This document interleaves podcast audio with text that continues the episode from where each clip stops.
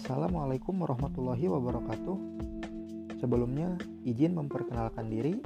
Nama saya Herpin Alpiansyah dengan NIM 2007801 dari kelompok 3 Pendidikan Pancasila.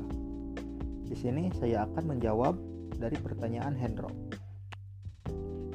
Sejatinya pendidikan haruslah mampu mendidik agar agar terciptanya moral serta akhlak yang baik agar terbentuknya generasi yang menjunjung tinggi nilai-nilai dalam Pancasila serta agama.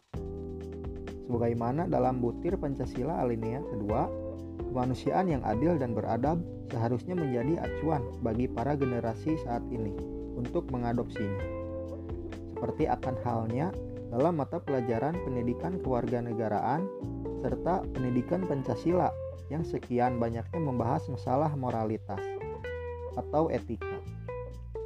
Namun, urgensi dari permasalahan generasi bangsa saat ini adalah sulitnya memahami arti dari pendidikan moral itu sendiri, serta banyaknya faktor pemicu buruknya moral generasi bangsa tersebut.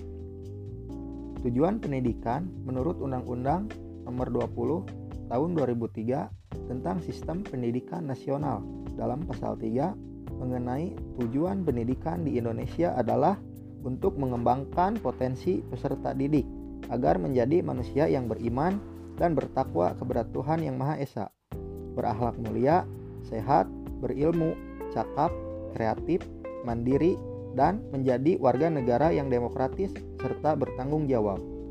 Untuk mengatasi masalah yang terjadi dari contoh yang disampaikan oleh pertanyaan dari Hendro, maka solusi untuk menanggapi masalah tersebut adalah seperti menanamkan pendidikan karakter sejak dini, memilih teman bergaul dan lingkungan yang tepat, mampu memanfaatkan perkembangan ilmu pengetahuan dan teknologi dengan baik, memperluas wawasan dan pengetahuan dalam ranah ilmu pengetahuan dan juga kehidupan sosial, meningkatkan keimanan dan ketakwaan dalam diri, serta mengadakan pendidikan moral dan pengembangan karakter pada mata pelajaran yang diajarkan baik itu di sekolah, di perkuliahan, dan lain-lain. Terima kasih.